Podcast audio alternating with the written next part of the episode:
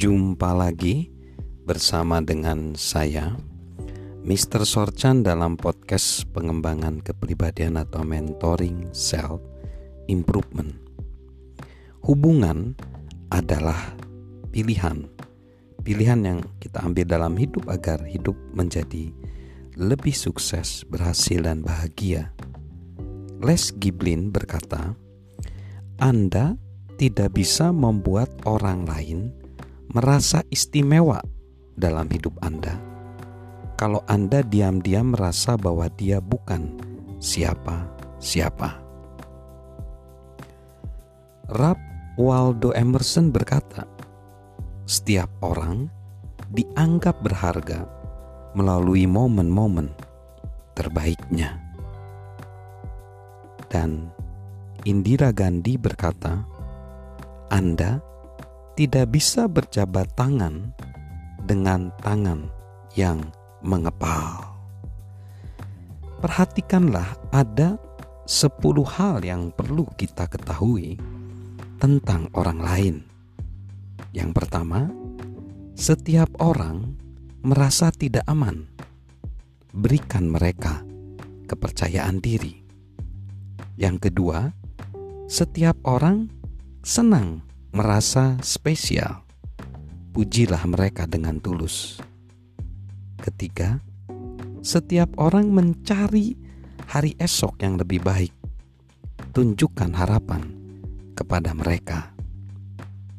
Keempat, setiap orang ingin dimengerti. Dengarkan mereka. Lima, setiap orang kurang arahan. Arahkan mereka. 6. Setiap orang egois. Bicarakan kebutuhan mereka terlebih dahulu. 7. Setiap orang rendah diri. Doronglah mereka. 8. Setiap orang ingin dikaitkan dengan kesuksesan. Bantulah mereka agar menang. 9. Setiap orang menginginkan hubungan yang bermakna, berikanlah komunitas. 10. Setiap orang mencari sosok untuk diteladani. Jadilah panutan. So, itu yang harus kita perhatikan di dalam menyikapi hubungan dengan orang lain.